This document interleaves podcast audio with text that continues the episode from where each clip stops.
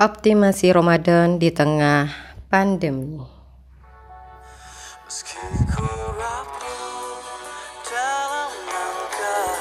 Kadang tak setia kepadamu Namun cinta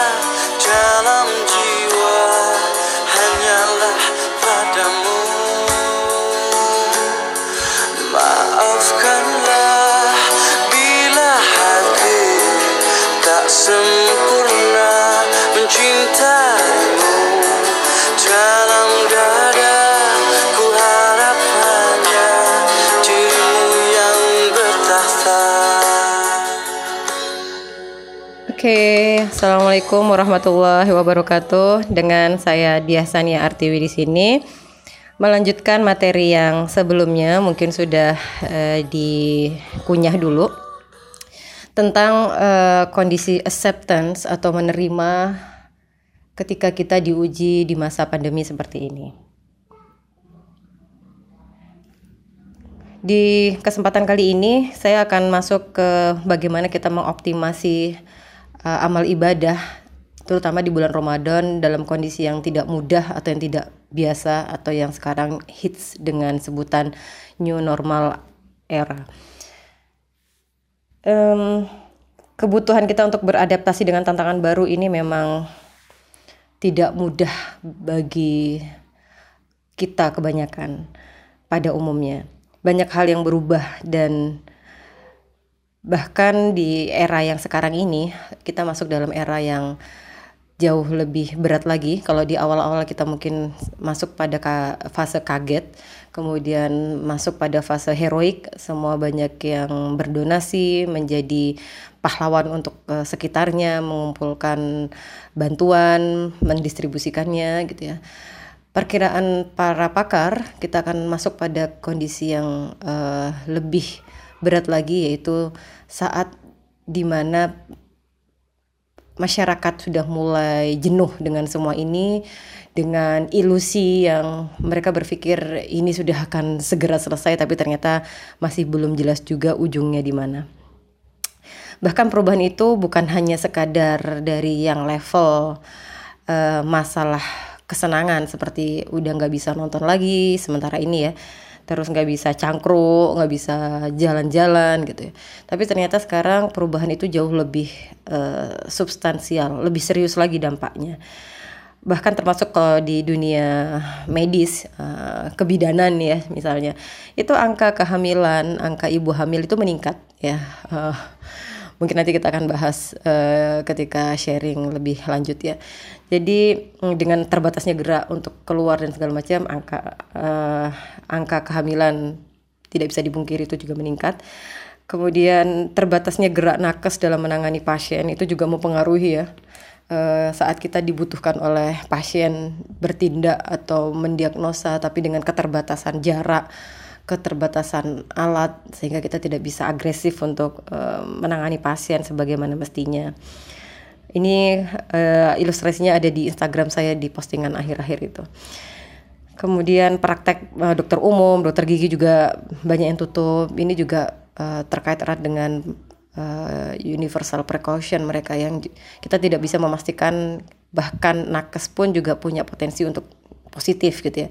Ini juga bahaya ketika mereka harus melakukan tindakan kepada pasiennya. Termasuk juga kekhawatiran tenaga medis eh, terhadap pasiennya yang tidak ada jaminan mereka itu negatif dari COVID. Terus ya banyak dampak-dampak lain yang ini mengerikan kalau kita tidak kelola dengan baik. Termasuk juga kita masuk dalam hal ibadah. Em, banyak hal yang berubah seperti tidak bisa ke masjid, eh, iktikaf yang harusnya ini masa-masa kita bisa bersyahdu syahduria di tengah eh, malam gulita bersama dipandu oleh imam dengan kekhusyukan nada saat mengimami sholat taraweh atau tahajud gitu ya. Kemudian nanti hiruk pikuk lebaran kita bersilaturahim ujung ujung-ujung dan itu semua ada pahala tersendiri gitu di, di sana. Tapi dengan ini semua semua berubah gitu ya. Baik, masuk pada topik lantas apa yang bisa kita lakukan. Tentang waktu. bagi saya waktu itu punya dua dimensi. Yang pertama dimensi panjang, yang kedua dimensi lebar. Dimensi panjang kita semua sama rata mendapatkannya. Jatah 24 jam sehari itu sama dirasakan oleh insan di sebelah kita, di luar sana, di belahan bumi yang lain. Tapi untuk lebar ini yang pastinya tidak sama antara satu orang dengan yang lainnya. Uh, sebut saja anak kuliahan atau mungkin dosen apa yang dia dapat berbeda dengan yang lainnya. Ada yang kuliah tapi dia tetap bisa ikut kajian sana sini, tetap bisa jadi aktivis, penggiat kebaikan, uh, masih bisa juga dagang online di era yang seperti ini ya. Tapi ada juga yang mahasiswa ya ya udah cuma mahasiswa aja yang uh, hari-harinya cuma ngerjain tugas gitu ya ini ya tantangan buat kita bahwa bagaimana kita mengisi lebarnya waktu ini itu sangat-sangat tergantung dari kekuatan keimanan kita. Sangat tergantung dari strong why, bagaimana kita berproses untuk menemukan strong why. Kenapa sih aku harus mengisi memadatkan waktuku dengan hal-hal yang hmm, fantastis gitu ya, bukan hanya hal-hal receh. Sejatinya ini tentang prioritas Kenapa ada orang yang berhasil one day one juice atau bahkan menghatamkan uh, Quran di Ramadan ini bisa sampai tiga kali, lima kali, bahkan sepuluh kali, sedangkan kita mungkin satu jus nggak nyampe-nyampe gitu. Kenapa? Sejatinya ini tentang prioritas. Saya jadi teringat uh, nanti akan saya share juga postingan di YouTube itu yang seorang pejabat eselon 2 bea cukai yang bisa khatam 10 juz per hari. Masya Allah, uh, mungkin kita kan berpikir ya wajar dia kan pejabat, mungkin uh, aktivitas hariannya jauh lebih banyak di anak buahnya. Kalau saya lebih cenderung melihat bahwa semua amal solih, apalagi itu yang terkait dengan level luar biasa, itu nggak mungkin ujuk-ujuk. Apalagi uh, ini butuh effort yang luar biasa pastinya ini dibangun dari hal yang tidak sebentar gitu. Um, ya sama seperti kita, saya seorang dokter uh, berbeda capaian amalnya dengan dokter yang lain gitu. Atau mungkin teman-teman mahasiswa atau dosen gitu ya uh, berbeda. Apa yang bikin itu berbeda? Jadi emang uh, mungkin kita masih bisa ngeles ya. Ya memang kita dalam satu badai yang sama, tapi ingat dong kita dalam boot yang berbeda. We are in the same storm, but we are in, uh, is not we are not the same boat gitu ya. Jadi um, Iya kita sama-sama ngadepin pandemi tapi jangan samakan dong kan kondisi kita berbeda-beda kita masih harus banting tulang sedangkan kamu uh, masih tetap bisa dapat gaji tetap dan segala macam gitu ya oke kita mungkin bisa uh, mengangkat masalah itu tapi sebelum kita um, menjustifikasi tentang itu mungkin yang perlu kita ingat juga adalah uh, cerita tadi yang uh, seorang pejabat eselon 2 itu ternyata ada inspirasi lain dari seorang tukang becak yang bernama Pak Dahlan dari Rembang yang ternyata udah sejak tahun 1986 melakukan aktivitas uh, tilawah minimal 10 juz per hari. Lantas dengan fenomena seperti ini kita mau bilang apa gitu loh. Uh, dari segi keuangan finansial, kekuatan fisik dia juga sudah sepuh gitu ya. Uh, kayak nggak bisa berkata-kata lagi gitu loh. Kita mau mau pakai alasan apa lagi gitu loh. Uh, kalau kita bilang kita di kondisi yang terpuruk emang beliau enggak ya gitu. Jadi ya lagi-lagi ini tentang prioritas. Sebenarnya apa sih prioritas hidup kita gitu sebenarnya di dunia ini kita mau apa? Gitu. Jadi inner drive itu emang harus kita dapetin dulu gitu sebelum kita ngomong how to-nya bagaimana bagaimananya gitu. Tapi kenapa kita harus ngelakuin itu itu harus kejawab dulu gitu. Uh, itulah kenapa mari kita berjuang untuk tetap taat ya dengan segala kemampuan yang kita miliki. Sudah sejauh apa, sudah sekeras apa kita mengerahkan seluruh energi, pikiran, hati kita, fisik kita untuk benar-benar mengabdi dengan sesungguh-sungguhnya kepada yang pemilik hidup ini gitu.